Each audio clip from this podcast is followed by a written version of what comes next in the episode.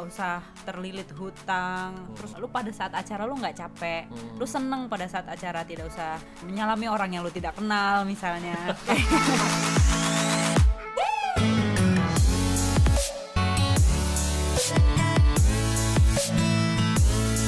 Sorry banget nih bukan menyindir tapi kayak di atas pelaminan. Terus fake lu nggak kenal ya nggak kan? kenal fake smile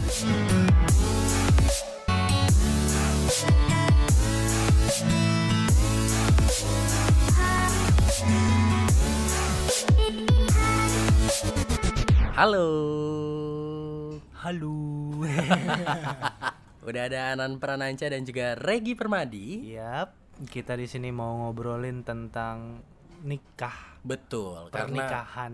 pernikahan ini agak tricky sebenarnya ya, Rek ya. Ya. Apalagi lu tahu kan, gua Agustus akan menikah Amin. Dan rasa-rasanya saya harus berguru sama Anda yang baru aja menikah 1 Januari lalu. Selamat. Ah, Thank you banget nih Pril. ya, jadi sebenarnya di sini gua cuman pengen sharing nih gimana nikahan gua kemarin yang tanggalnya lumayan unik menurut gue ya, tanggal 1 Januari 2019. Harinya juga unik sih, Selasa. Iya, memang tanggal 1 Januari tetap tanggal merah sih Pril. Iya, tapi siapa juga mau jauh-jauh ke Jogja selain orang deket bener. Iya. Nah, Apa- it- apakah itu cara Anda mensortir? Iya iya iya. Nanti bakal dibahas sih. Nah di sini juga gue bareng sama istri gue yang kemarin baru gue nikahin. Bisa perkenalkan diri? Hai nama gue Arina Nah, ngomongin soal nikah, ini gue lagi nyiapin pernikahan dan ternyata budgetnya bisa dikatakan besar sekali, Rek. Sementara lu cerita pernikahan kalian cukup hemat dan gue bisa menyaksikan sendiri bukan cuma hemat tapi hikmat dan juga tetap keren. Iya iya iya. Lu juga secara kan di situ jadi MC nih Prel. Iya. Thank you banget ya kemarin udah jadi MC di luar nikahan gue. ya. Iya. Untung gue nggak ngerusuh sebagai teman SMA seperti biasanya. Iya iya iya. Rusuh lu pada tempatnya sih pada saat itu ya. Jadi eh, alhamdulillah terbantukan. Jadi di sini ada gua nggak bisa bilang tips ya, tapi tujuh subjek yang pengen dibahas. Mhm. Jadi ya sudah nikmati saja. Oke, kemarin ada yang nge-DM ke Instagram gua, namanya Palupi Nurul, Nurul yang lagi mendengarkan mungkin. Kak Anan, bahas dong tentang nikahan hemat. Kalau bisa maksimal 50 juta. Gue mau tanya dulu, budget lu kemarin ngabisin berapa, Rek? Nah, budget gua di sini 50 juta, Pre. Jadi pas dong sesuai permintaan Pas temen kita ya. Pas, Pas banget. banget Pas banget sih. Hal pertama, ketika harus menyiapkan pernikahan yang budgetnya cukup minimalis adalah anggapan orang di sekitar. Gimana caranya lu deal with that stigma? Kalau misal lo mau nikah, pertama yang lo harus tanamkan di kepala kalian berdua, misalnya kalian berpasangan ya. Pasti dong berpasangan Masa, dia menikahi dirinya sendiri? Cukup selfie ya. Kali aja mau nikah sama kecoa gitu kan. nah, jadi esensinya nikah tuh apa sih? Ini tiap orang akan beda sih, Rek. Kalau Iya. kita sih esensinya tuh udah pasti ya akad. Itu esensi bukan? Iya, esensi kan? Karena setelah akad semuanya tuh udah plong. Ya harusnya ya. Harusnya. Ya. Jadi ada empat nih esensinya menurut gue sama istri gue ya. Yang pertama adalah sah, yaitu lu menjalankan akad. Dan kedua syukuran. Itu dalam bentuk juga mempublikasi ke orang-orang kalau kalian sudah sebagai suami istri seperti itu ya. Betul. ya Nah, menghindari fitnah lah. Iya, yang, yang Apalagi netizen ya kan. Netizen. yang ketiga tadi udah lu mention paling nggak orang terdekat lu tahu Hmm. yang keempat esensinya adalah sederhana atau sesuai kemampuan gitu. Jadi esensinya empat ya. Pertama sah kedua adalah syukuran bersyukur. Yang ketiga sounding atau orang terdekat tahu. Yang keempat adalah sederhana atau sesuai kemampuan. Oke, baik. Mungkin secara pemikiran kita bisa sepakat dengan itu, tapi bagaimana mewujudkannya? nikah menurut kita adalah bisnis. Kita menikah untuk mendapatkan keuntungan sebanyak-banyaknya dengan modal seminim-minimnya pre. Bentar. Bentar, sorry nih. Kayak prinsip dagang kalau nggak salah ya. Benar-benar, bentar, gue jelasin. Jadi gini, maksudnya mendapatkan keuntungan sebanyak-banyaknya dengan modal seminim-minimnya itu, pertama modalnya itu sesuai dengan kemampuan. Hmm. Nah, mendapat keuntungan itu lebih bukan ke arah materi ya. Maksudnya jangan lu mengharapkan amplop lu banyak gitu. Oh. Itu jangan. Jadi jangan. bukan angpaunya, bukan, Bukan, literally bukan.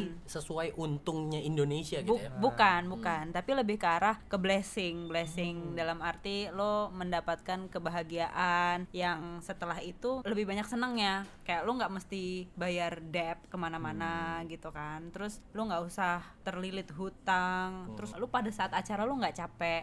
Lo seneng pada saat acara tidak usah menyalami orang yang lo tidak kenal misalnya.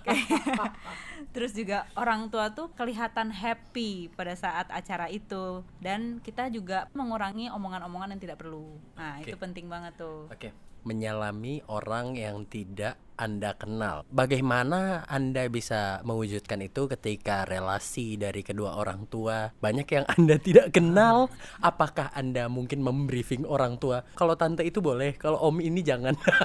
Nah, ini ada di dalam salah satu subjek kita, Mhm. membuat timeline sambil research. Mungkin kalau boleh tahu riset ke mana aja kalau bisa mungkin website, blog atau media sosialnya dikasih tahu biar orang-orang yang sedang ingin menikahi calonnya punya referensi nikah bisa kok murah. Kalau referensi sebenarnya kita tadi merujuknya kepada kemampuan ya. Jadi awalnya nentuin tanggal nikah nih. Terus kita research kira-kira budget berapa sih kita punya gitu kan. Terus habis itu kita nyari vendor yang sesuai dengan kemampuan. Harganya kan pasti ada yang berapa, ada yang berapa gitu kan. Nah, untuk benchmarkingnya sebenarnya dulu waktu tahun 2012-13 kali ya gue lupa. Gue datang ke nikahan salah satu anak buahnya bokap gue di Jakarta.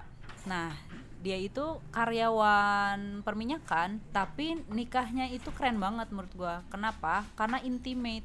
Jadi ada dua acara pagi itu akad malam itu resepsi. Pagi itu hanya untuk keluarga antar mempelai. Nah, bokap gua di situ hadir sebagai saksi. Jadi otomatis keluarganya ikut. Nah, yang malam itu sebenarnya untuk koleganya dia, ya temen deketnya sama temen kantornya. Jadi benar-benar intimate banget waktu malam hari itu keluarganya nggak ada di situ. Dan itu tuh cuma make kayak gazebo untuk akadnya sama halaman gazebonya kecil untuk resepsinya. Jadi dia sebenarnya indoor outdoor gitu.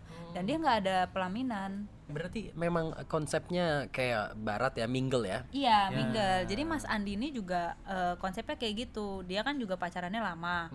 Terus akhirnya katanya akhirnya nih menikah gitu kan. Wey, Nah, sebuah pencapaian. sebuah pencapaian. Nah, itu tuh bokap gua sama dia deket banget. Hmm. Makanya bokap gua dijadiin saksi kan waktu itu kan. Terus kita sekeluarga juga deket banget sama Hmm. dia. Pas gua lihat akadnya itu hikmat karena cuma Hmm. keluarganya tuh dibatasi. Jadi cuma sampai sebatas mungkin sepupu, kakak adik bapak ibunya gitu. Hmm. Terus ya udah cuma paling nggak nyampe 50 orang yang datang di situ. Begitu malam juga sama. Paling cuma 50 100 orang yang datang dia mingle. Dia menyapa tamu dia tuh berdiri di depan pagar untuk menyapa yang hadir gitu. Menurut gue tuh keren banget. Oke, berarti seakan seperti gazebo dan tempat itu outdoor indoor itu adalah rumah dia, Iya. di mana dia pemilik rumahnya. Siapa pun yang hadir, dia sapa di depan dan selamat datang seperti itu ya. Iya, heeh, gitu doang. Nah, abis akad itu cuma acaranya tuh pelepasan merpati gitu aja. Udah gitu menandakan kalau mereka sudah sah sebagai suami istri. Terus waktu malam juga mereka nggak ada stall-stall kayak di hotel-hotel gitu nggak ada. Mereka cuma nyediain makanan tuh kayak buffet aja cuma tiga menu gitu di area pinggir. Tapi ya udah gitu. Hmm. Jadi emang hikmat banget dan menurut gue sih itu keren banget ya maksudnya nikah itu supposed to be easy gitu loh itu adalah media untuk kalian menyalurkan kasih sayang kan kenapa harus dibuat susah Iya, setuju banget sih. Nah, makanya itu menjadi inspirasi kita waktu mau merencanakan nikah. Hmm, hmm, hmm. Nah, terus kita memang punya kemauan atau punya cita-cita, gue pengen nikah tanggal 1 Januari gitu. Oke, mungkin sebelum lebih lanjut lagi, ini makna dari 1 Januari ini apa? Udah dipikirin kah resikonya ketika mengajukan ke orang tua? Apakah ada penolakan mungkin karena bisa kita bayangkan keluarga dari jauh-jauh dan memang nikahnya di Yogyakarta. Ya, jadi awalnya memang tanggal 1 Januari itu punya nilai historical, Historical lah ya. lah. Jadi ada lah Ada lah. Ada lah pokoknya ini cukup menjadi sesuatu yang harusnya dirayakan seperti itu. Iya, terus- jadi kita setiap tahun dari sejak tahun 2010 sampai 2019 kemarin setiap Hmm. tanggal satu tuh kita ada aja kejadian yang menurut kita spesial gitu. Ya, gitu. Nah, makanya kita pengen juga menjadikan 1 Januari itu hari yang sangat-sangat spesial. Hmm. Dan kalau lu tanya nantinya bakal beresiko apa, pada saat itu kita nggak peduli. Maksudnya belum mem- memikirkan sejauh itu. Hmm. Nah, makanya pada saat menentukan tanggal 1 Januari itu adalah H-7 bulan. Jadi Oke. H-7 bulan terus membuat timeline sambil tadi eh, research ke teman-teman yang WO atau ke nikahan-nikahan teman. Itu tuh kita note dan kita list-list, kita juga ke wedding exhibition, terus kita tahu paket-paketnya, kita tahu benchmarknya. Kalau misalnya lu nanya referensinya web apa sebenarnya banyak lihat di Instagram ya. ya Instagram dan banyak banget blog-blog yang ngebahas tentang budgeting sih dan itu sangat nggak bisa dijadiin acuan karena setiap kota beda, setiap vendor beda dan bahkan setiap klien WO itu bisa beda banget karena menyesuaikan kebutuhan Oke gitu. oke oke oke. Budget dengan 50 juta apakah mungkin di Jakarta atau memang harus di kota-kota tertentu dan bagaimanakah perincian budget 50 juta itu bisa memenuhi pernikahan yang tetap keren, proper dan bisa hikmat. Mungkin bisa diceritain? Ya, mungkin gue ceritain gini. Kenapa bisa dapet angka 50 juta? Mengacu ke abang gua dulu menikah 12 tahun yang lalu itu kira-kira budgetnya segitu 50 juta dan memang cukup sederhana lah ya. Jadi 50 juta terus gua ngerasa wah ini udah 12 tahun nih. Kalau gua ngeset angka 50 juta kita sanggup nggak ya gitu. Nah, itu juga berhubungan sama saving. Jadi selain kita benchmarkingnya itu dari kakaknya Regi, kita juga lihat saving kita berapa. 50 juta itu kita cukup nggak sih setelah nanti kita nikah, kita sekalian sewa rumah atau tempat tinggal. Terus apakah kita nanti masih punya tabungan untuk tiga bulan ke depan? Nah, itu tuh bergantung banget sama kemampuan lo gitu. Nah, makanya kita setting di 50 juta karena pada waktu itu kebetulan sesuai dengan kemampuan sudah bisa untuk eh, 50 juta itu tadi untuk nikah sekaligus untuk sewa tempat tinggal dan bisa untuk tiga bulan ke depan hidup gitu. Nah itu tuh udah buka-bukaan rekening lah kita udah buka buka nih buka jebret berapa? Oh ya gimana kalau 50 juta? Oke 50 juta gitu. Ya, jadi sebenarnya simpelnya adalah pada saat itu gue sama Arina ini udah punya tabungan sekitar segitu. Dan plus kalau misalnya mau hidup tiga bulan setelah nikah baru merencanakan oke kita nikah 50 juta dan kita sambil tujuh bulan ke depan itu nabung lagi. Nah tadi gue mau nambahin sedikit sih tentang budget. Sebagai pasangan yang mau melangsungkan pernikahan penting banget tahu pasangan kalian itu punya hutang apa enggak punya aset berapa. Hmm, nggak cuman benar-benar. nggak cuman tabungan ya tapi aset produktifnya berapa atau apa gitu. Terus dia investasi ke mana gitu. Ikut investasi bodong nggak? Iya kayak gitu gitu Dengan harapan tinggi tapi nyatanya siap-siap zong. Ya, terus tagihan sisinya berapa? Punya asuransi nggak? Kayak Iya. gitu-gitu. Penting tuh. Iya. Ikut downline apa? iya. Ya, siapa tuh di situ ada harapan? Kan? nah iya. itu penting loh. Itu penting banget loh. Ya itulah ya. Jadi emang harus terbuka banget pas lagi merencanakan. Karena gak enak aja kan lu habis nikah tahu-tahu loh kok gaji lu habis tiba-tiba? Iya soalnya buat bayar asuransi buat bayar cicilan kemarin belum kayak gitu-gitu. Oke. Oke, berarti setabu-tabunya Indonesia ketika kalian memutuskan untuk menikah itu adalah satu langkah di mana kalian harus terbuka secara finansial. Gitu, setuju ya? betul Ya betul banget. Nah ini masuk ke subjek keempat nih. Bagaimana cara menekan budget? Misalnya lu sanggupnya 50, ya udah gimana caranya? Nah jadi kita juga ngelis poin-poin apa yang akan memakan budget besar. Yang pertama tempat. Karena ketika lu udah punya tangga, lu harus nyari tempat dong. Hmm. Dan alhamdulillah ketika kita lamaran itu di tempatnya budenya Arina yang ada di Jogja. Jadi dia jadi tuan rumah. Setelah lamaran itu karena tempat atau rumahnya ya, rumahnya itu enak banget. Arina ini punya ide, gimana kalau nikahnya juga di rumah ini gitu, di rumahnya Buden ini.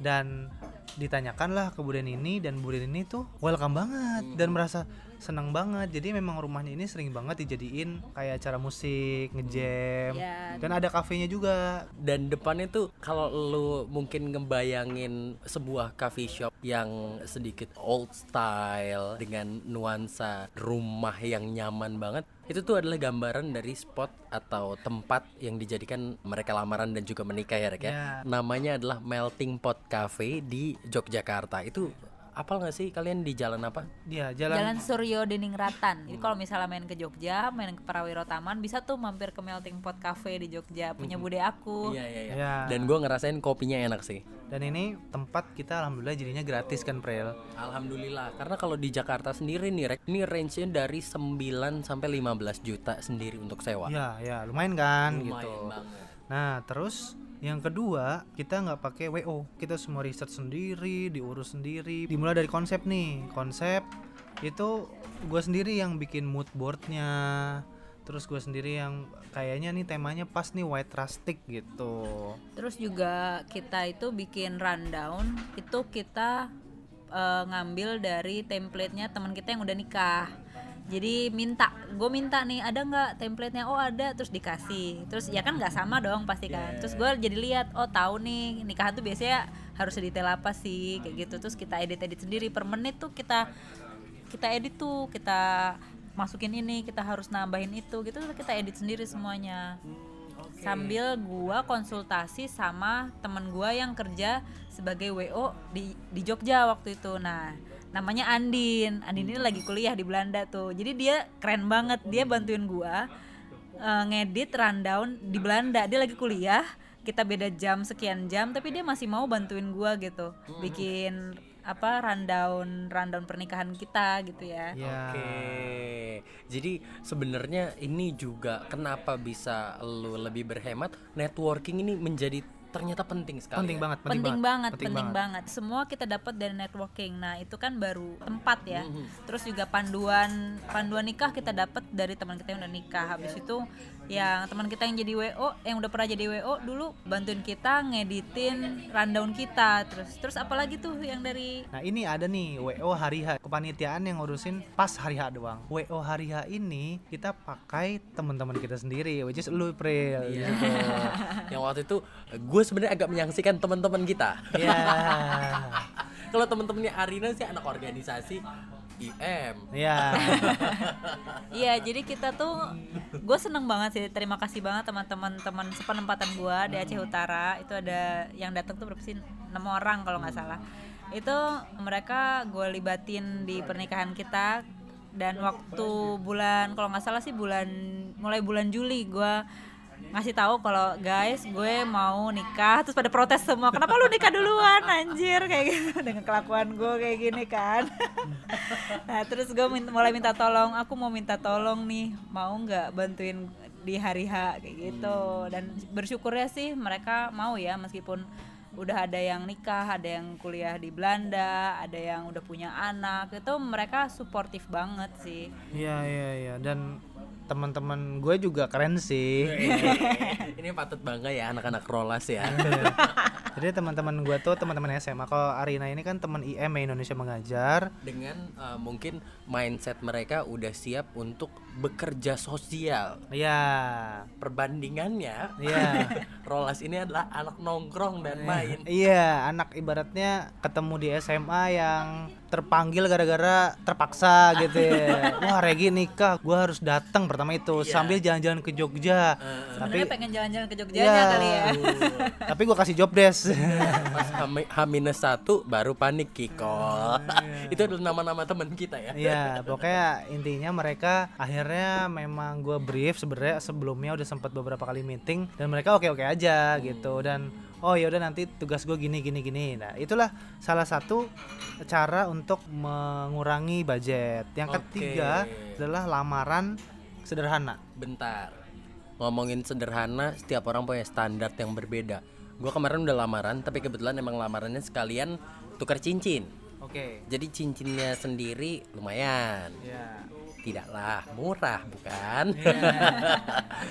Berapa memang akhirnya kalian itu bisa melaksanakan lamaran itu? Mungkin bisa sekitar angka angka Mhm. mau tahu angka Iya, pengen tahu sekali. nol lamaran kita gratis coy Bentar. Karena ba- banyak dapat bentar sponsor. dulu Fe. bentar dulu soalnya gini pertama lamaran tuh lu harus nentuin apa sih esensi dari lamaran.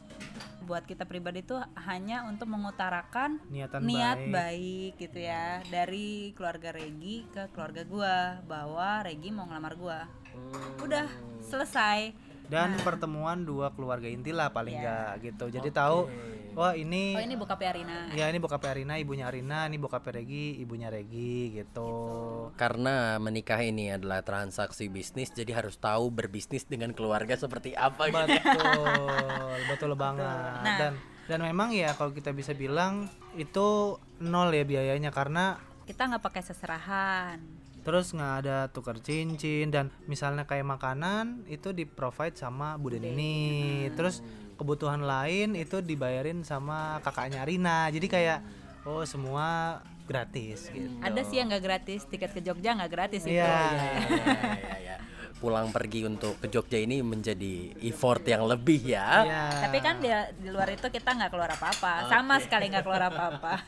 Ya nah yang keempat ini prewed Mungkin gue bisa curhat sedikit. Sebenarnya gue tidak terpikir prewed, Ya. tetapi sang calon istri berpikir kayaknya kalau bisa boleh prewed gitu kan. suaranya Eh, biasa aja dong ya itu kan gue mengimajinasikan bagaimana wanita ini ngomong terus gue bilang baik kalau mau prewed coba cari iya aku booking tanggal segini ya. Lo langsung booking.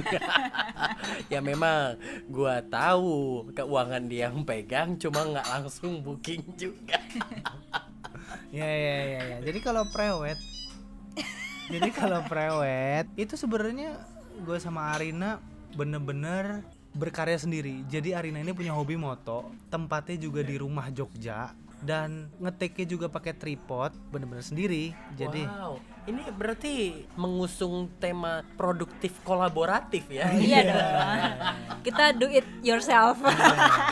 DIY DIY DIY Iya. do it by ourselves gitu Iya, iya, iya. ya terus ditambah juga kayak nih punya baju lurik bareng nih punya baju lurik sama eh kita foto box yuk. Hasil foto boxnya bisa dijadiin foto-foto prewed gitu. Foto box di mall? Foto Iya, box ini iya. mall jadi literally kayak 2010 gitu. Serius serius. Jadi kita tuh wah lu harus lihat sih fotonya. Lucu loh. Jadi kita kan eh, pernah beli baju lurik lurik garis-garis kembaran. Nah itu sebenarnya luriknya dodonya buat cowok sih. Iya, kebetul karena nggak ada nggak ada buat cewek. Nah karena gua belinya kembaran terus eh coba yuk lucu kali nih foto di mana? Di foto box gitu terus foto box kan punya maksimum take ya. Iya. misalnya kayak empat kali take jadi 8 foto atau berapa kali take gitu. Nah itu kita udah pakai nih. Udah pakai lurik terus kita sebelum foto kita memutuskan dulu mau kayak gimana posenya. Karena kan antar take kan cuma beberapa detik tuh kan. Jadi kita list nih mau kayak gini mau kayak gitu mau kayak gitu selama beberapa tuh ada enam kalau nggak salah ya list ya. Nah itu tuh kita harus cepet-cepet ganti, Ganti pose gitu ya. pada saat detik sebelum dia satu dua tiga cekrek gitu. Wow. Tapi ada yang fail bener-bener bapuk gitu nggak bisa dipakai. sih, Nggak ada enggak. sih, nggak Semuanya ada. bisa dipakai gitu. Ya. Dan itu kita beli yang ada filenya, jadi bisa di print ulang gitu. Oh, jadi salah satu strategi untuk foto box yang tidak failed adalah beli filenya. Siapa tahu itu bisa diubah-ubah dengan Photoshop gitu ya. Diedit-edit gitu ya. Iya bener banget anak-anak rambut yang tidak menurut sesuai konsep bisa dirapihin. Oh, ada rambut yang tidak sesuai konsep Iya. ya. Iya, iya, iya. Nah, prewed itu biasanya orang suka bikin video tuh. Hmm. Nah, inget nggak waktu nikahan gua kan sebelum resepsi kan ada video tuh. Hmm, Nah, video itu ada anaknya Bu Deni ini nih, Mas Abi namanya. Dia bilang, "Dek, aku mau ngasih hadiah bentuknya video prewed gitu." Oke. Terus ya udah, kita take video prewed. Jadi itu juga gratis video prewednya yang ditampilin di resepsi kita itu. Dan yang dandanin itu pacarnya Mas Abi. Dia kan on the way jadi MUA di Jogja. Oke. Jadi gua di MUA sama pacarnya Mas Abi. Bapak Undra. Bapak Undra. Terus di take sama Mas Abi dan temennya. Jadi bertiga kita take-nya waktu Iya, itu. dan bagus banget sih hasilnya. Bagus banget Oke sih oke oke oke iya ya gue juga nonton sih ya kan Iya. yang kita play itu kan Iya. Ah, Oke, itu adalah tips berikutnya itu prewed yang hemat dilakukan oleh kalian berdua. Bagaimana dengan undangan yang tidak murah? Rata-rata paling tidak kalau mau pesan undangan 400-an undangan dan harganya tuh mungkin sekitar 5 ribuan per lembar. ya balik lagi ke esensi undangan buat apaan sih Pril kalau gue bertanya sama lu Buat ngasih tahu orang atau menghargai atasan. nah Nah, Nah, tepat banget sih, tepat banget. Jadi gue bikin cuman 150 pieces. Lah, berarti kalau partai kecil gitu lebih mahal dong, Rek? Iya, nggak apa-apa. Jadi memang kita sengaja bikin 150 doang. Hmm. Itu khusus sebenarnya ya, formalitas buat kantor, kantornya Arina, kantornya gua sama tetangga yang deket banget misalnya sebelah terus sama Pak RT lah kayak gitu-gitu Pak RT Bu RT kayak gitu nah waktu itu memang gue yang desain sendiri itunya undangannya terus sempet Yang model tiket pesawat itu ya. Iya. Gue pikir beneran loh. enak aja. jadi jadi emang itu gue beberapa kali tes print dan gak langsung perfect setelah dua kali tes print yang ketiga bagus banget hasilnya harganya itu 10.000 satu undangannya Oke, berarti lu ngeluarin sejuta setengah untuk undangan. Ya, betul Budget dong itu harusnya kan bisa dialihin ke yang lain. Ini gimana nih perhitungan lo? menurut gua kalau lu ke Tebet Mm-mm. itu dia paketan pril Oh. jadi paket minimum biasanya 2 juta 2,1. 2,1 Oke. misalnya lu cuman 150 kek atau 200 kek gitu Oh, biasanya tetap bayarnya segitu. Ah, Tetap ka- sama. karena dia biasanya itu minimum order 250 sampai ti- 300. sampai 300. 250 itu susah banget nyarinya. 300 minimal. Nah, 300 itu enggak 2,1. Kebayang nggak? Oke. Jadi dia kayak borongan. Jadi Iya, kalau lu iya, mau iya. bikin berapapun 2,1 minimal. Dan sisanya kayak misalnya temen kerabat segala macam tuh ya manfaatin medsos ke grup-grup dan itu misalnya gini, sorry banget nih bagi teman-teman yang kemarin gak sempat kita undang atau mungkin kita undang yang mendadak itu bagian dari konsep kita. Misalnya gini, gua grup lain nih atau grup WhatsApp, gua ngasih taunya memang kayak hamin dua minggu sebelum tanggal 1 supaya memang tersortir banget mereka secara tidak langsung nggak bisa hadir. Hmm. tapi kita menghargai mereka nih gua ngasih tahu kalau gua mau nikah gitu hamin dua minggu tuh Oke, jadi itu adalah cara lu untuk paling tidak menyortir orang seperti itu Iya ya. bener banget dan oh, agak iya. sedikit tricky ya. iya tricky banget Jadi emang orang-orang yang memang kita mau undang itu tuh udah kita list per kepala dan itu kita listnya itu sudah dari bulan Juli. Iya Jadi udah jauh-jauh sebelum kita ngundang orang banyak kan tuh orang-orang terdekat. Kayak misalnya lu terus teman-teman IM gue, terus misalnya keluarga besar itu udah tahu. Jadi kita udah bisa ngitung per kepalanya itu yang akan datang kira-kira berapa. dan gitu. dan justru orang-orang yang kita udah undang dari jauh hari sebenarnya ya no excuse buat mereka Hmm. kan lu udah gue undang dari hamin 6 bulan masa nggak tetap nggak bisa datang gitu jadi kan udah bisa nabung beli tiket ngerencanain dan Iya, segala iya, macam iya, Oke. dan yang sebenarnya diundang nggak diundang gitu Hmm. yaitu hamin dua minggu gitu. Oke, tapi ada nggak yang minus dua minggu itu akhirnya datang? ada. Ada. Tetap Serius? ada. Jadi temen bokap gua yang namanya Mas Andi itu yang gue bilang tadi itu datang hamin dua minggu. Dua minggu. iya. Luar biasa. seneng banget sih gua kemarin. Senang banget. Seneng banget karena dia menginspirasi gue bikin nikahan kayak gitu dan dia dateng Tapi lu sampein nggak kalau Mas Andi ini justru yang yang menginspirasi? sampein gue bilang gitu. Ternyata gue tuh dulu sempet nulis kan di nikahan dia juga kayak ada apa sih nulis-nulis di kanvas gitu kan sebagai guestbook itu gue nulis Mas Andi doain aku juga ya gitu. Dan dia moto moto tulisan gue terus dikirim ke WhatsApp gue kemarin. Alhamdulillah akhirnya tercapai juga setelah enam tahun. Iya. Gue kayak oh my god emang ada gue sempet nulis kayak gitu. Gue aja nggak sadar loh nulis kayak gitu. Dan insya Allah kita hadir dan bener hadir. Dia sekarang udah punya dua anak. Dan Oke. anak satunya yang paling kecil itu ulang tahunnya satu Januari juga. Eh, selamat banget Mas Andi nah yang keenam poin keenam untuk menekan budget adalah baju nikah lu ngerasain dong Prel baju nikah Prel Gini, gua jadi eh, memang sudah DP dan harganya tidak murah karena memang merek yang dipakai oleh suaminya Raisa Hemis Daud. Iya. Ya lumayan lah gaji saya ya Untuk disortir ke situ lumayan besar Ya. Nah, baju nikah ini memang kita mengkonsepkan supaya murah juga. Hmm. Yang pertama adalah baju akadnya Arina itu adalah baju akad ibunya yang 30 tahun yang lalu itu terus di sedikit dipermak. Oke Tapi ukurannya sesuai Rin Tentu saja tidak. Lantas bagaimana menyesuaikan dan Nah. membuat itu menjadi fit? Nah itu gini, jadi Buden ini yang punya tempat melting pot cafe itu adalah seorang desainer, Fashion designer. fashion designer. Baju akad ibu yang 30 tahun lalu itu dibuat oleh Buden ini 30 tahun yang lalu Wow dan masih bisa dipakai yang sekarang dipakai gua eh, untuk nikah dipermak juga oleh Buden ini juga. That's how universe works Ya, ya keren kan? Keren banget kan? Nih, lo bayangin Prel, tadi siapa yang ngedesain tuxedo Bung Hamis? Nah, gue juga didesain sama Iya Iya. fashion designer loh. Fashion designer loh. Nggak sembarangan. Sembarangan. Dan umurnya udah 30 tahun. Dan- Ayo. Iya iya iya bener bener. Iya, dan masih bagus loh. Iya. Mungkin bahkan bisa dipakai adek gua juga nikah nanti. Soalnya amin. masih bagus banget. Oke oke. Tapi, tapi gini, eh, nilai plusnya pertama mungkin lu bisa menggunakan ya reuse sesuatu yang memang sudah tidak terpakai. Karena nggak mungkin dong lu ke pesta menggunakan gaun menikah. seperti Iya. kan. Eh, yang kedua, ini berarti menjadi nilai historical. Ada semacam legacy anak-anaknya nyokap lu yang menikah kalau menggunakan itu tuh kayak lebih haru biru dan segala macam gitu Iya. karena Ya, lu mulai. kan? benar, Iya. benar, benar. Bener Kebetulan banget. anak cewek di keluarga gue cuma dua sih. Oh, oke. Iya, iya, Lu iya. dan Dek Vio itu ya. Iya. Nah, terus itu baju akadnya Prel. Nah, kau minta Lagunya enak ya. Iya, ini sedih tapi. eh, eh, mungkin kita bisa mention lagi. Ini sebenarnya kita juga masih kongko di cozy coffee. Iya. Emang cozy banget sih.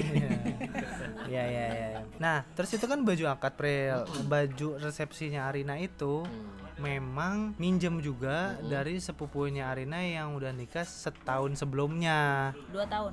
Eh, iya. Nah, gua itu memang nggak mau bikin Pril. Karena menurut gua ya tadi lu bilang kayaknya baju nikah gua nggak mungkin dipakai buat pesta lain gitu ya. Jadi kayaknya nyewa aja. Karena Arina punya dua model, yang pertama buat akad dan resepsi, gue pun harus punya dua baju, ya kan? Nah, yang pertama itu mau nyewa tapi itu ternyata failed banget jadi gue udah booking itu dari bulan September bayangin ya September ke Januari. Dan itu udah ketemu nih gue mau minjem yang ini di satu vendor. Ternyata vendornya ini failed banget. Pas Desember gue tanya ternyata jas yang mau gue sewa buat gue itu nggak ada. Nggak ada. Bilangnya hilang. Kan sebenarnya kita udah Aneh fitting. banget. udah fitting kan? Udah, udah pas banget sama Udah gue? Udah, Udah. bayar lunas coy. Udah lunas. udah lunas Tapi udah balik sekarang kan? Enggak. enggak Gila. jadi jadi memang ternyata nggak ada Hmm. pusing banget kan hamin semingguan gitu nyari baju buat nikah gitu nah terus kita cari cari cari cari akhirnya nanya lah sama eyangnya Arina yang ada di Jogja ternyata nih ya dia punya jas putih satu satu satu paket gitu ya sama celana gitu satu ya. style sama celananya. Dan old school juga satu tema sama baju nikahnya Arina. Terus dia itu nggak pernah pakai dari tahun 2000 Pokoknya udah 10 tahun. iya udah udah udah lama banget nggak pernah pakai. Terus gua cobain ternyata pas Pril. Dan katanya udah pakai aja. Terus nanti ini eh, mau dipermak-permak ya udah nggak apa-apa jasnya buat kamu aja Wadaw. Jadi kalau lu mau apa-apain itu karena memang akan berakhir buat lu. Iya. Aman banget. karena eyangnya nggak mungkin pakai jas itu lagi karena warna putih kan susah banget buat nyari apa namanya buat nyari pesta yang pakai warna putih jadi itu di apa namanya dilegasikan buat gua tuh jadi ya udah gua pakai itu buat akad untuk pakaian resepsinya ya udah nyari nyari nyari ternyata dapet malah deket banget rumah Jogja dan bagus banget. Dan harganya cukup terjangkau lah ya. Itu sekitar 400 ribu. Iya, jadi 500 ribu terus dikasih diskon. Aneh banget padahal kita udah hamin seminggu mepet. Dia dengar cerita kita terus pas kita sebutin nama vendor yang failed itu ah itu mah udah biasa gitu. Hmm, Oke. itu mah udah saya pernah sekali juga dapat klien yang memang ya imbasnya dari vendor itu. Dan pas banget bagus banget namanya Ed Putra Brilian Jogja Jadi si Regi ini susah banget cari jas sebenarnya Pril. Kenapa tuh? Karena dia tinggi tapi kurus. Oh. Jadi rata-rata orang yang bikin jas itu kalau dia tinggi pasti dia gendut, atau minimal dia buncit. Nah Regi tuh enggak. Ketika nyari jas dia tuh kegedean di perut gitu. atau ngatung atau tangannya. ngatung tangannya. Pas di badan tapi ngatung tangannya. Di Putra Brilian Jogja ini itu pas slim fit terus pas banget gitu. Terus warnanya bagus banget. Jadi kayak jas baru gitu. Itu keren banget sih. Memang emang high quality banget sih kalau menurut gua. Dan itu kita hoki banget berarti ya. Iya oke banget oke banget sih. Itu udah hamin seminggu loh soalnya seminggu. Nah, terus yang ketujuh itu bridesmaid. Nah, jadi kita nggak pakai gitu-gituan lah ya. Kita nggak ada acara-acara bridal shower tuh nggak ada. Dan biasanya yang jadi bridesmaid ini kan yang ngebantuin acara. Nah ya udah itu gua libatin teman-teman terdekat gua dan teman-temannya Arina dan biasanya kan bridesmaid dikasih baju tuh Pril. Misalnya kayak nih geng gua nih dikasih baju, kasih kain tuh suruh bikin baju biar warnanya samaan gitu. Nah kita enggak tuh. Ya lu kalau ingat, gue cuman kasih ke kalian kan color code doang kan. Iya iya iya. iya. Dan kalian nih nyari kemeja sendiri, nyari atau bikin baju sendiri lah gitu buat nikahan gue dan itu sangat-sangat membantu Hmm. gitu. Nah kalau buat temen-temennya Arina, dia cuma janjian aja mau pakai baju apa gitu. Terus tinggal gua kasih topi buat yang cowok, kayak ya topi gitu, sama kalau yang cewek dikasih crown, flower crown eh, flower crown gitu. Udah. Jadi gue cuma ngasih seragam bentuknya topi sama flower crown. Iya, jadi itu sebagai penanda bahwa kalian panitia gitu. Iya. Kalau teman-teman Regi kan kemarin pakai baju warna marun karena udah sesuai color code kan. Kalau teman-teman gua, gua kasih samaan aja warna putih. Kenapa warna putih? Soalnya semua orang pasti punya warna putih. Ah betul. Jadi biar gampang mereka nggak usah beli lagi, mereka tinggal pakai baju yang ada dan mereka paling kelihatan mentereng sendiri karena yang lainnya nggak ada yang pakai baju warna putih, mereka doang pakai baju warna putih. Jadi kelihatan kalau itu teh panitia gitu. Ya. Terus juga mengenai seragam, seragam itu sebenarnya adalah salah satu budgeting yang mungkin bisa membengkak. Karena kalau lu ngasih seragam ke saudara A, bisa jadi ada tingkat iri yang sangat tinggi di saudara yang B, gitu kan. Jadi makanya kita menghindari itu, kita jadi cuma ngasih seragam murni hanya keluarga inti. Bokap, nyokap, kakak adik, udah gitu. Kalau misalnya yang lain kayak misalnya sepupu gua atau kakak adenya orang tua gua itu mereka "Eh, janjian yuk gitu cuma cuma janjian beli sendiri mereka jahit sendiri udah gitu jadi kita nggak ngurusin seragaman orang Gimana dengan vendornya? Nah, ini yang kedelapan vendornya. Paling besar pengeluaran adalah di vendor-vendornya. Nah, yang pertama dan paling besar pengeluaran adalah vendor catering. Dan pada saat itu gue nikah vendor catering dan dekor satu pintu, jadi satu satu organizer lah, satu vendor istilahnya gitu. Dan ini memang dapat referensi dari Andin yang temannya yang kuliah di Belanda tadi. Dia kan kerja di WO waktu itu sebelum di S2 itu namanya at Kalelili Party. Oke. Belanda banget ya. Bunga lili. Nah, terus dia rekomendasiin Bumentik Catering. Jadi Bumentik Catering ini udah cukup terkenal juga di daerah Bantul. Makanannya enak-enak tapi harganya terjangkau, Pril. Nah, terus kita udah tuh ya udah ngehubungin dulu dekor belum tahu masih nyari kita ngehubungin Bumentik Catering udah ketemu sama Bumentiknya acaranya kapan terus dia bilang saya juga ngurusin dekor gitu. Terus yang ngurusin anak saya. Dan ya udah enak tuh dekor sama catering kan satu pintu. Jadi biasanya kan yang paling koordinasi paling banyak tuh ya di nikahan itu vendor dekor sama catering. Jadi kayak misalnya cateringnya mau gayanya gimana ntar dekor ngikutin gitu kan. Nah ini udah satu pintu jadi enak gitu. Lebih gampang koordinasinya gitu ya. Ya gitu. Nah terus yang kedua dari vendor ini adalah MUA, makeup artist. Nah awalnya kan gue pengen milih MUA yang murah banget lah di Jogja gitu kan. Kita browsing kita research terus ini kayaknya murah nih kita bikin Excel kan. Terus gue hubungin satu-satu. Terus gue bingung kan yang mana ya enaknya gitu. Gue tanya teman gue yang baru baru banget nikah di Jogja juga. Dia bilang oh MUA aku temen deket aku. Oh siapa? Si Amri. Amri siapa? gitu. Nah Instagram itu at Amri Sofia Makeup. Oh itu kemarin aku udah kontak udah nanya-nanya. Iya gitu. Itu teman deket aku. Terus kita ngobrol kan. Terus gue mulai lihat-lihat lagi Amri Sofia makeup ini oh bagus banget hasilnya akhirnya karena kenalannya temen gue gue langsung DP aja buat tes makeup dan ternyata gue cocok Nah, jadi kalau misalnya temennya temennya gitu tuh lebih enak, Pril. Karena lebih enak diskusinya. Ih, kalau harga dia boleh lah ngasih harga sesuai harganya dia. Tapi kita mau misalnya mau permintaan kita mau aneh-aneh atau kita cocoknya gini cocoknya gitu lebih enak. Kayak punya kedekatan emosi aja gitu. Nah, terus vendor nih yang ketiga adalah dokumentasi. Dokumentasi itu bisa mahal banget Pril. Lu kalau datang ke wedding exhibition itu tuh dia paketnya tuh kayak aduh kalau Jakarta gue nggak ngerti sih harganya ya. Mahal banget mahal banget. ya bisa puluhan juta lah. Cuman buat kayaknya kayaknya start dari 15 juta deh kayaknya. Buat foto doang ya? Hmm, Oke. Eh, bentar deh. Tadi makanan berarti ini kan biasanya di mana-mana keluhannya adalah budget untuk catering tuh terlalu mahal. Bahkan sampai 70 80 jutaan bisa jadi itu Iya. buat catering sendiri. Lu waktu itu untuk berapa orang berapa harganya?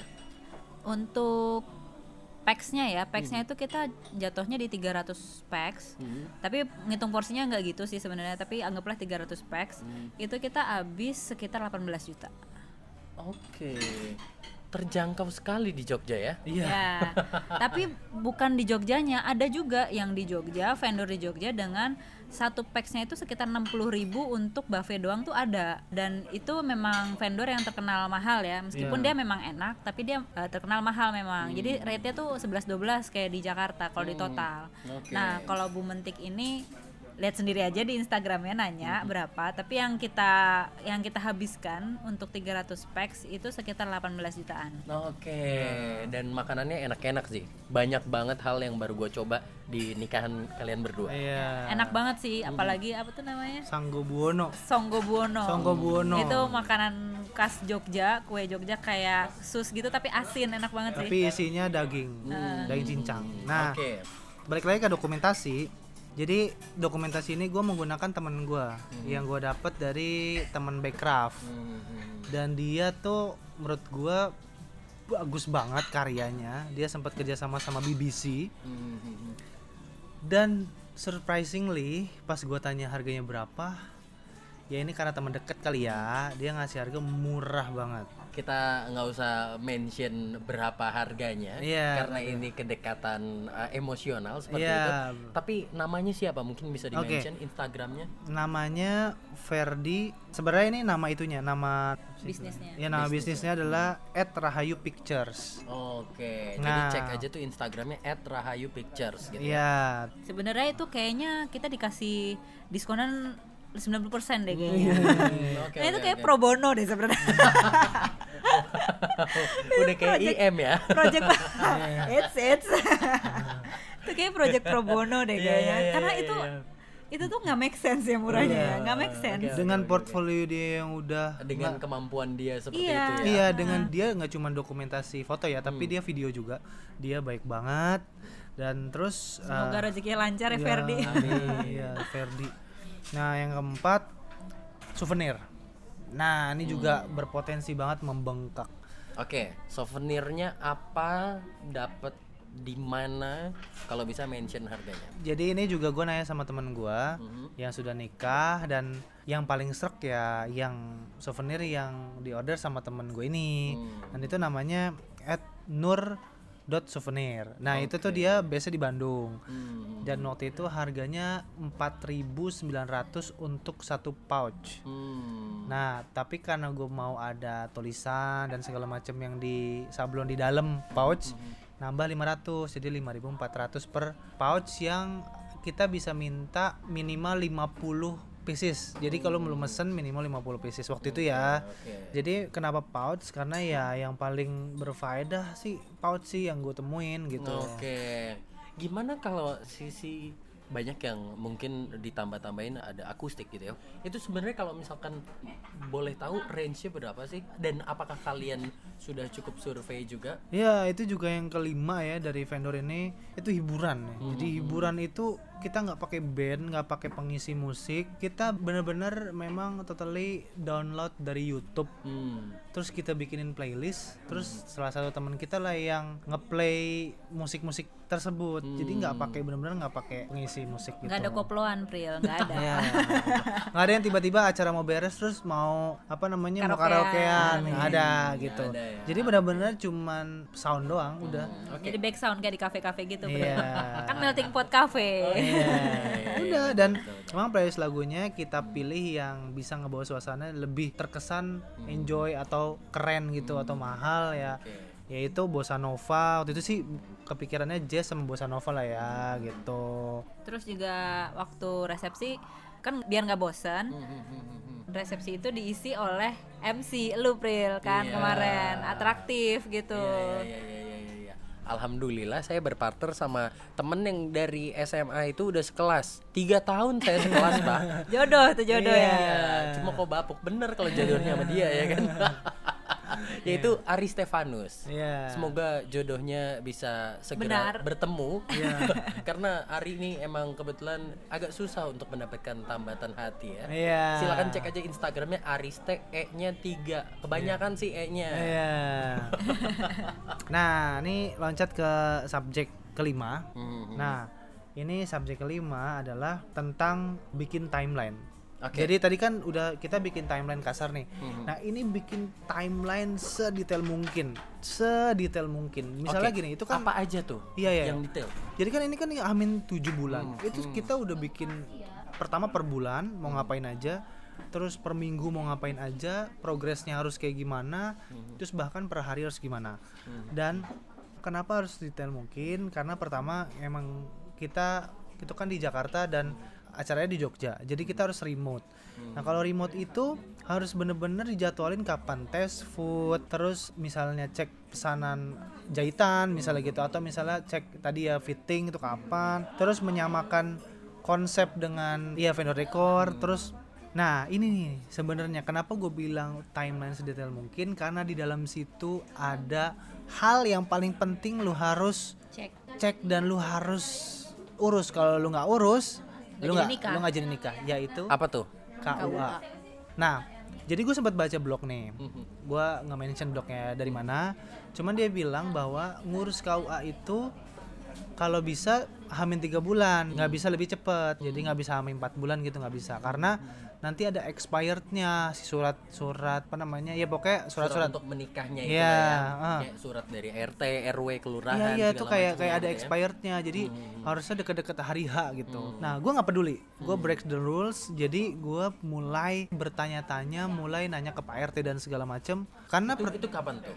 Ya kalau waktu itu sih gue H minus berapa mungkin? udah mulai urus H min 6 bulan. oke dan Udah- itu udah boleh kan Iya jadi gue udah mulai tanya ke Pak RT gue Jadi ini apa aja yang harus disiapin segala macam Karena gue takut Karena gue di luar kota Nanti ada hal-hal yang di luar Ya biasalah kebijakan baru Terus harus bla bla bla gitu. Jadi waktunya terlalu mepet pril gitu. Dan Oke. ya dan itu kan di luar kota jadinya harus PP dan segala macam Jadi hamin 6 bulan Arina udah nanya ke Pak RT nya Gue juga udah nanya ke Pak RT gue dan udah mulai ngurus ngurus ngurus ngurus ngurus dan sudah beres itu di Hamin 4 bulan. Oke. Gua kemarin sempat ke KUA dan memang yang dijelaskan oleh petugas KUA ini kalau bisa itu adalah yang paling paling maksimal paling eh sorry paling minimal itu tiga bulan sebelum. Kayak gua Agustus mungkin kayak per Juni itu gue udah mulai bisa urus sebetulnya. Terus gue tanya dong kalau dari sekarang gimana? Mungkin kalau dari sekarang kayak kesehatan segala macam masih bisa. Tapi nanti datang ke KUA itu disarankan memang Juni sih. Ya benar banget tuh Pril. Lu kan jadinya lu harus padet tuh dalam tiga bulan ngurusin itu semua. Nah, gue udah selesai di Hamin 4 bulan. Dan kalau di Kecamatan Cilandak itu cewek cowok harus tes kesehatan. Nah, jadinya gua cek kesehatan. Tapi kalau cek kesehatan laki-laki tuh cuman simple sih. Pertama, dia HIV apa enggak udah gitu doang. Oh itu itu itu adalah poin terpentingnya sebenarnya ya. Nah, gitu. Gimana kalau buat Arinanya? Kalau di kecamatan gue tuh nggak ada, jadi cuma surat-surat pengantar, terus KTP, KK gitu doang. Jadi nggak ada kebutuhan untuk ngecek kesehatan gitu mungkin karena kita beda provinsi juga kali ya Oke. Gua kan Arina Banten. Iya. Regi kan Jakarta mungkin itu kayak kebijakan provinsi Jakarta kali Hmm. dan belum nyampe gitu kayaknya ke Banten Masih ngelek ya. Masih ngelek. Oke, tapi gini, ngomongin soal salah satu masalah di milenial adalah fleksibilitas waktu. Mengurus surat menyurat itu pasti sangat amat membutuhkan waktu dan mungkin buat beberapa orang tidak cukup hanya sehari. Bagaimana kalian menghandle itu? Apakah kalian hands on untuk itu atau pakai perantara mungkin orang tua, tetangga atau Pak RT-nya dimintain tolong atau gimana tuh? Kalau misalnya gua kebetulan karena gua kerja di Cawang rumah di Pamulang Wow. agak PR ya. Itu itu terpaut jauh sekitar 40 km kalau mau tahu. Dan- apaan?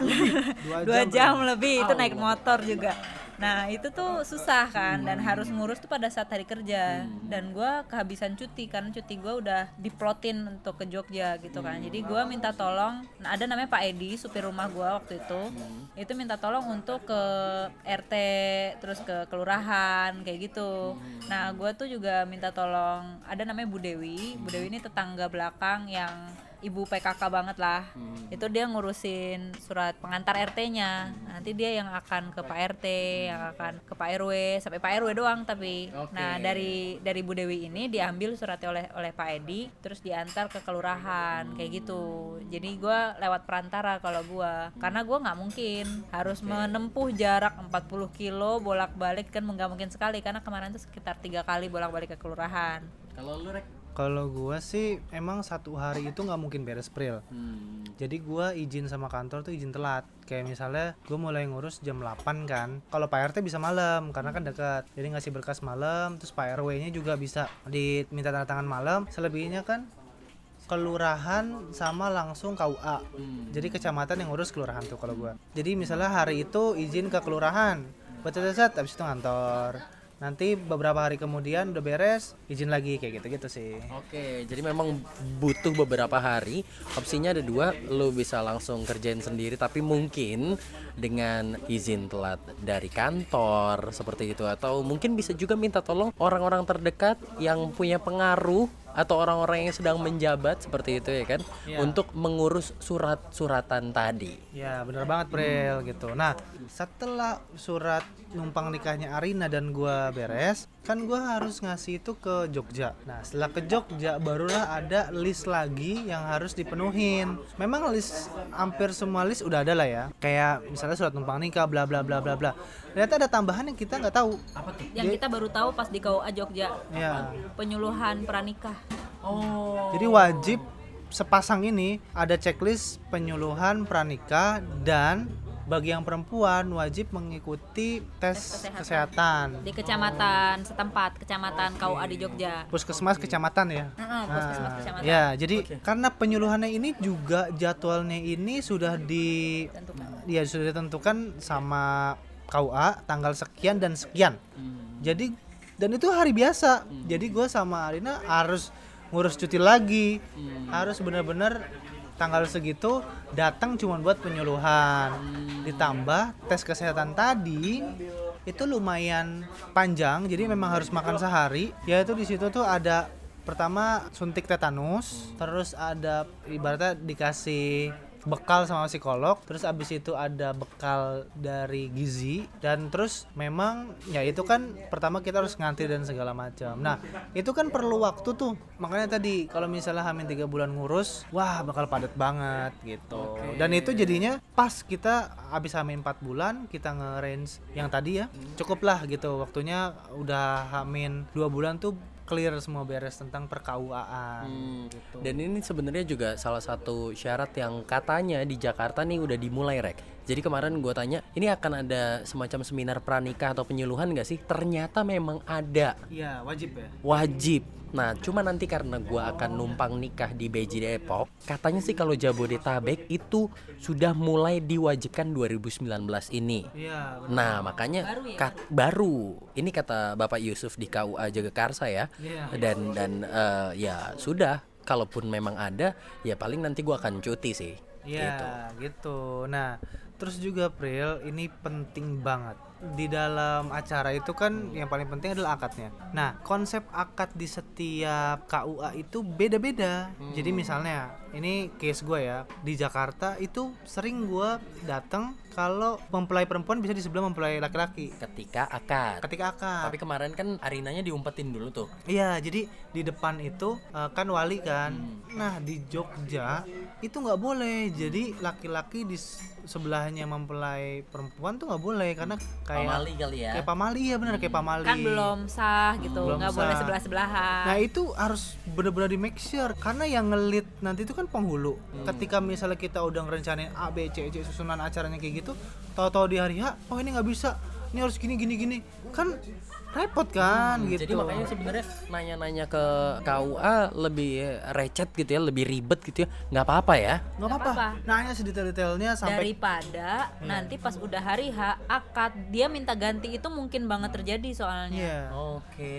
Gitu. Jadi mendingan kita nanya ke KUA harusnya kayak gimana, dia biasanya gimana, sebaiknya gimana. Terus kita turutin aja. Itu untuk mempermudah diri sendiri sih sebenarnya. Kalau misalnya pas hari H dia minta ganti itu malah kita lebih repot gitu. Jadi kalau misalnya di Jogja itu layoutnya cowok itu diapit oleh saksi dua saksi. dua saksi. Ya. Jadi saksi dari mempelai pria dan mempelai wanita itu ngapit mempelai pria di tengahnya. Oke. Sedangkan ceweknya itu berada di sebelah wali. Gitu. Jadi depan-depanan sebenarnya cewek cowoknya kayak gitu. Ya, terus di sebelah kanan mempelai pria itu penghulu dan asisten penghulu. Dan itu kan ngaruh ketika kita mesen kursi buat akad gitu kan. Dan macam-macam lah merembet. Dan sampai gua minta gambarin petugas KUA-nya itu layoutnya kayak gimana? Sampai gue minta gambarin dan itu kan harus madep kiblat jadi mempelai laki-laki itu mempelai pria itu harus madep kiblat gitu jadi wah itu kan layoutingnya harus bener-bener pas ya gitu Hmm. ini penting banget Hmm. kalian kalau mau nikah make sure sedetail-detailnya apalagi kalian ngurus sendiri nggak pakai wo Hmm. itu wajib banget deh nanya sedetail-detailnya karena sangat sakral Oke. Detail apa lagi yang nggak boleh sampai luput? Ren?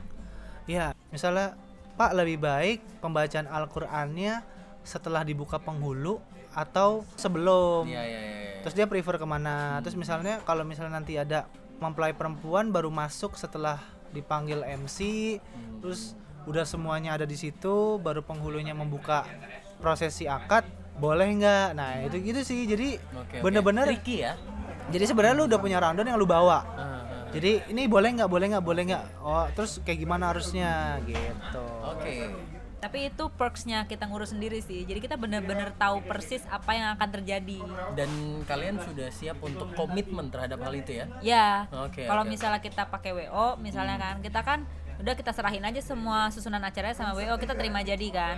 Nah kita bisa jadi nggak tahu apa yang akan terjadi nanti pas hari H. Mungkin kita pas rapat bisa, tapi kan pas hari H itu bisa jadi kita kan udah ngeliat rundown lagi tuh kan. Nah karena kita ngurus sendiri, kita tuh dari awal sampai akhir tahu banget detailnya kayak gitu. Oke. Itu perksnya sih. Dan itu adalah salah satu yang menjadi keuntungan sih sebetulnya ya. Ya. Kalau ngurus sendiri itu lu jadi punya experience membuat sebuah acara bahkan lu bisa memastikan detail-detail itu sebenarnya apa yang bisa menjadi mungkin nanti uh, the worst case-nya seperti itu ya. Lu, lu, lu bisa bisa bisa merencanakan dan memprediksi itu. Oke, oke, oke. Ini sebenarnya murah yang mendapatkan pengalaman dan pelajaran mahal ya. Iya. Dan memang salah satu tujuan gua sama Rina membuat nikahan yang sangat sederhana namun kece gitu ya. Karena ini sebenarnya gue pengen kasih tahu nikah itu simpel gitu. Nikah itu nggak perlu mahal. Nikah itu ya gimana setelahnya gitulah Oke. gitu. Nah, oh iya satu lagi gue tambahin KUA. Temen gue pernah jadi dia ternyata ada bermasalah di KUA. Begitu hari H buku nikahnya nggak keluar April dan itu nggak diinfokan sama KUA-nya. Tapi gue Bahaya sebagai banget kan? gua gua waktu itu sebagai panitia. Jadi panitia nikah kayak wo gitu wo hari kaget gua. Hah? Dia nggak dapat buku nikah? Iya jadi karena kemarin sempat berubah nggak ngerti lah ya gue ada perubahan atau gimana jadi buku nikahnya nggak ada. Jadi kan lu kalau foto kan pasti ada buku nikahnya dong sama cincinnya gitu kan. Gimana lu mau foto ya kan? kasihan banget gue kayak wah gitu, jangan sampai kayak gini. Dan di KUA gua itu punya peraturan kalau pembayaran billingnya itu tagihan tagihan pembayaran itu baru keluar di hari pertama di bulan itu di bulan itu hari per- hari kerja pertama di bulan itu misalnya misalnya gua tanggal 1 Januari Berarti di bulan Januari tanggal 2 baru tanggal keluar dua. Bro. Karena itu tanggal merah. Iya Iya, betul kebayang nggak kalau gua itu ternyata baru bisa bayar besoknya. Hmm. Ya gue khawatir dong, ini gue dapat buku nikah nggak? Nanti karena belum bayar buku nikahnya nggak di print atau nggak apa gitu. Oke, oke. Saya bilang tenang tenang, dapat kok buku nikah sampai Hamin satu gue tanyain lagi, dapat buku nikah nggak gitu? Terus dia bilang dapat dapat gitu. Ternyata memang dapat dan terus besoknya tinggal bayar aja gitu.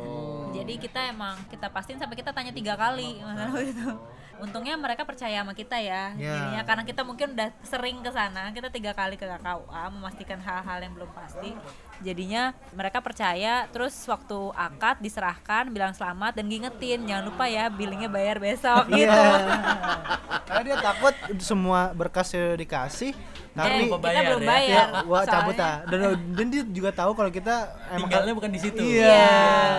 Soalnya pernah ada kejadian katanya. Jadi udah Serius? udah seminggu lebih dua minggu gitu Dua ya. minggu, dua minggu. Dua minggu nggak bayar-bayar. Sedangkan billing itu ada expirednya juga. sebulan Jadi, itu, bulan itu. eh, enggak kurang dari sebulan itu. Jadi misalnya Dua minggu ya? eh, seminggu apa dua minggu gitu. Iya. Jadi keluar tanggal 2 itu dua minggu kemudian tuh udah nggak bisa dibayar lagi. Jadi dia harus berkali-kali bikin billing baru kalau misalnya kita telat bayar. Kayak gitu. Jadi lu jangan telat bayar, Pril. Tenang, kalau bisa gue bayar H minus sebulan gue bayar. Ya berapa sih cuma 600 Gak ribu bisa ya? tapi Nggak bisa ya? bisa. harus Harus hari hari hari H. H. Nah, terus subjek keenam nih, yaitu keluarga yang kooperatif. Oke. Jadi ini bisa jadi impossible Mhm. untuk dilakukan sama pasangan kalian. Mhm. Kalau keluarganya ini BM, banyak mau. Oh iya iya iya. Apalagi mungkin misalkan dengan embel-embel anak terakhir atau segala macem itu kan wah, biasanya ada ini ekspektasi. gini, kan. gini. Ya kayak gitu ya. Ini gua nggak nggak nggak ibaratnya ini bukan masalah orang Jawa, orang Sumatera, orang mana. Ada aja Pril Hmm. alasannya. Ini kan anak pertama, jadi, Jadi, harus gede. untuk mengawali kita harus besar. Oh, ma. Habis itu terus anak berikutnya. Nah, terus abis itu anak bontot nih. Nah. Ini kan anak terakhir, makanya harus besar, penghabisan Oh. lah. Padahal anaknya cuma dua. Oke, jadi selalu ada pembenaran di balik kebeeman orang tua seperti itu ya. Iya, bisa orang tua, bisa tantenya yang nggak pernah datang pas lebaran, tiba-tiba aja bisa BM. Kok bisa ya faktor-faktor kayak gitu yang akhirnya menentukan kita mau nikah seperti apa ya? Padahal mereka tuh mungkin bisa jadi ya. Ini ini bukannya julid, tidak ikut serta dalam menabung dan menyicil semuanya. iya, dia kan nggak investasi di situ ya. gue dulu pernah tuh, gue dulu pernah waktu kumpul keluarga, gue lupa tahun berapa, pokoknya jauh sebelum gue mau nikah lah ya.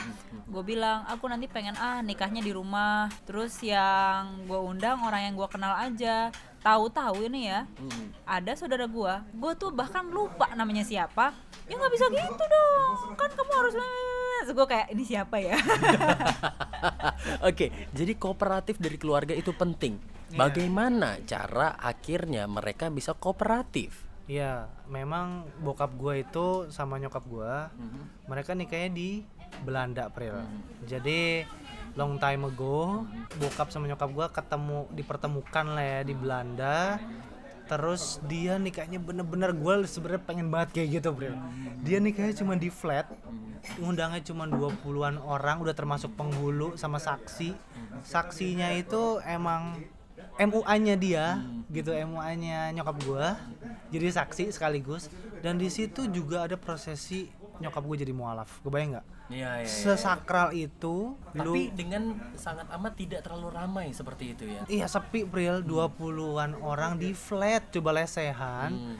dan itu semuanya kayak misalnya kayak orang tuanya bokap gua tuh dia minta orang tua temennya gitu jadi wali gitu supaya ada backup orang tua lah ya. Kayak gitu-gitu. Dan itu sederhana banget. Dan itu berlangsung pernikahannya sampai nyokap gua meninggal. Oke, berarti lu cukup gampang untuk mempropos ini gue mau kayak begini. karena mereka udah pernah ngejalanin dan mereka tahu bagaimana mereka punya porsi gitu kan Ya enaknya menikah sangat simpel tuh dia udah tahu bokap gua. apakah kemudahan dan kelancaran ini juga dirasakan oleh Arina Nah, kebetulan ya orang tua gue tahu lah ya gue orangnya kayak gimana. Gue sekalinya pengen sesuatu tuh kekeh. Orang tua mau gua ngomong apa, ada orang komentar apa, bodo amat. Gue gue tuh kekeh banget orangnya. Gue udah pernah bilang sejak gue melihat nikahannya Mas Andi, gue ngomong ke nyokap gue itu kan tahun 2012 entah 2013 ya. Bu, aku pengen nikah kayak gini, gue bilang gitu. Pokoknya mau siapa pun ntar calonnya aku pengen nikah kayak gini. Terus kata ibu ya sakarapmu gitu katanya untungnya pada saat kejadian gitu itu tuh semua seperti kayak semekung ya semesta mendukung gitu. Akhirnya kita nikah di Jogja terus eh, bisa menggunakan rumah bude terus bisa pakai baju akad nyokap gua bisa pakai baju resepsinya pakai bajunya saudara gua. Itu kayak semekung aja gitu loh. Dan gua ngomong ke nyokap gua gua pengen bener-bener kayak gini persis gitu. Dan nyokap gua bilang ya udah terserah gitu. Dan itu kan modal kita berdua ya. Iya ya dan kadang-kadang orang tua pihak satu itu bisa jadi BM karena keluarga pihak dua juga BM. nggak mau kalah. Nggak mau kalah, eh bisa banget kompetitif.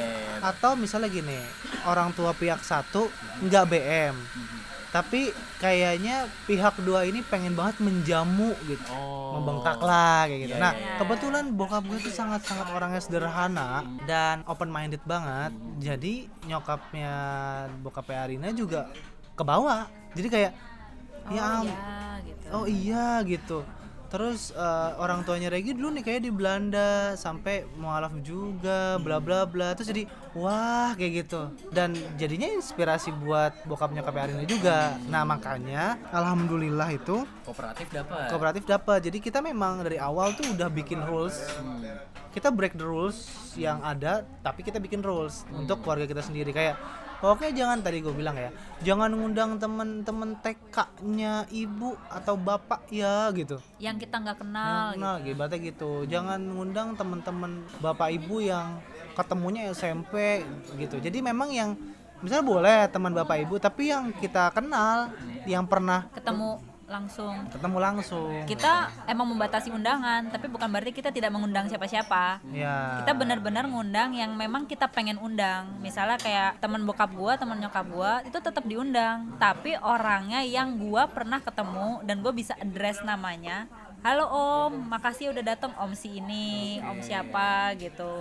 Mas ini mas apa gitu. Kita undang tetepan. Jadi orang-orang terdekat yang memang secara ikatan emosional dari gua kecil sampai gua gede itu gua kenal itu gua undang. Meskipun temen orang tua gua gitu. Bukan berarti kita nggak undang. Ya, ini juga tadi belum disempat dikasih tahu ya. Undangan kita tuh kurang lebih ya 200 kepala. Jadi kalau misal lu waktu itu bawa junior, itu gue hitung dua, dua kepala. Jadi benar-benar detail gitu. Dan memang konfirmasi datang nggak, datang nggak gitu. Jadi nggak ngasih undangan, lu mau datang mau nggak, gimana? Dan itu jadi salah satu yang membuat resepsi itu failed atau terlalu banyak undangan yang datang. Karena undangan disebar banyak kan satu undangan itu bisa bawa anak sa- bisa bawa, pacar. anak pacar. atau temen grup. Hmm, gitu kayak brot datang misal 5 5 5 5 5 tahu-tahu misalnya mulai jam 11 resepsi jam 12 kurang makanan udah habis sedangkan tamu masih baru datang kayak gitu-gitu Apalagi ini salah satu hal yang Indonesia banget. Itu kemarin sempat ada hashtag Valentine bukan budaya kita. Budaya kita pulang kondangan ngomongin makanannya.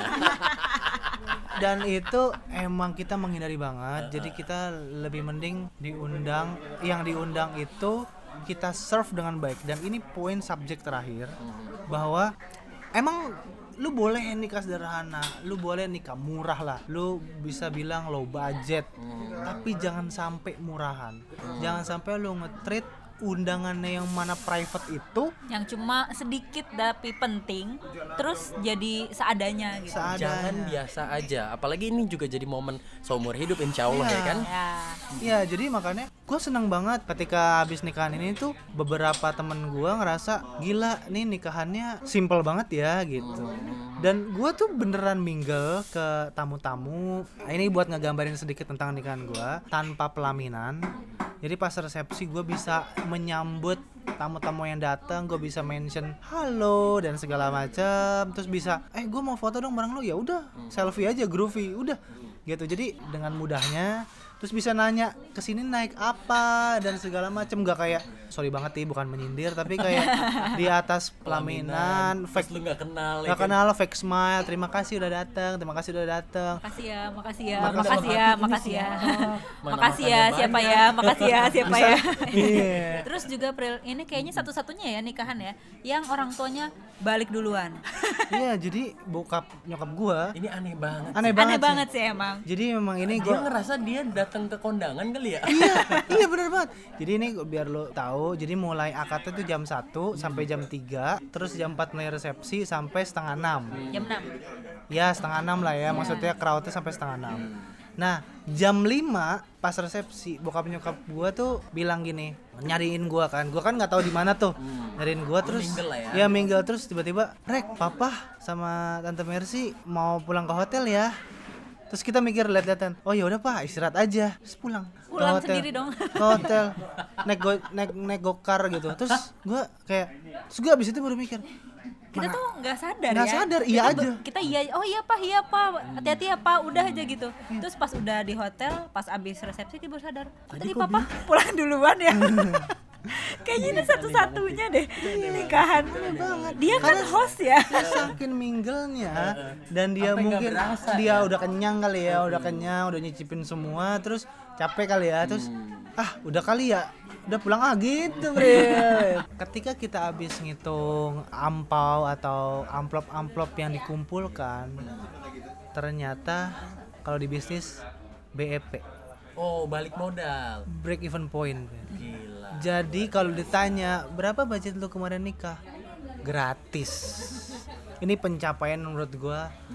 Wah, the real blessing is the money gitu. Cuman ya maksud gua di situ sampai pas ngitung, lah kok banyak banget, banyak banget, banyak banget, banyak banget sampai lewat dari banget ya dari angka 50 itu dan ya Allah, maksudnya bener-bener diridoi ya gua nikah dan sesimpel itu dan balik modal gitu. Berarti kan sebenarnya itu kita nggak nyangka sih sama sekali nggak nyangka nyangka dari mana aja gue nyangka itu itu tuh dari kebanyakan ya kebanyakan dari teman-teman nyokap gue yang sama teman bokap gue yang datangnya ramean tapi ternyata ampongnya tuh lebih rame dibanding orang yang datang gitu jadi Iya, nitip nitip. nitip, gitu Oh, enak ya kalau kayak gitu ya. Orangnya tidak datang diundang tapi angpaunya sampai. itu yang Ke- dibutuhin kan ya Karena kebanyakan orangnya sampai angpaunya kosong.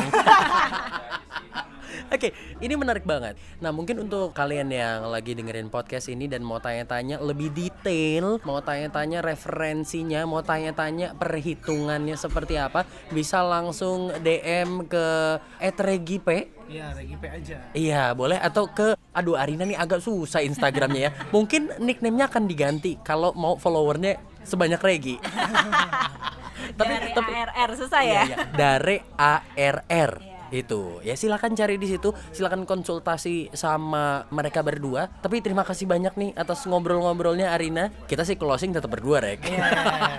tamu gue di sini tamu ya? Iya iya. iya iya iya jadi kalian yang memang mau nikah gitu ya bisa mendengarkan podcast ini berulang-ulang ya Hmm, karena betul. banyak banyak detail yang bisa dicatat kayaknya. Betul betul ini harus sambil pegang pulpen dan notes Iya, eh tapi kalau misalkan zaman sekarang bisa di download sih ya tetap aja Pril. Oh iya bener. Iya, kalau mau harus diskusi- dicatat ya. diskusi Iya, sama iya, pasangan iya, kan iya, iya.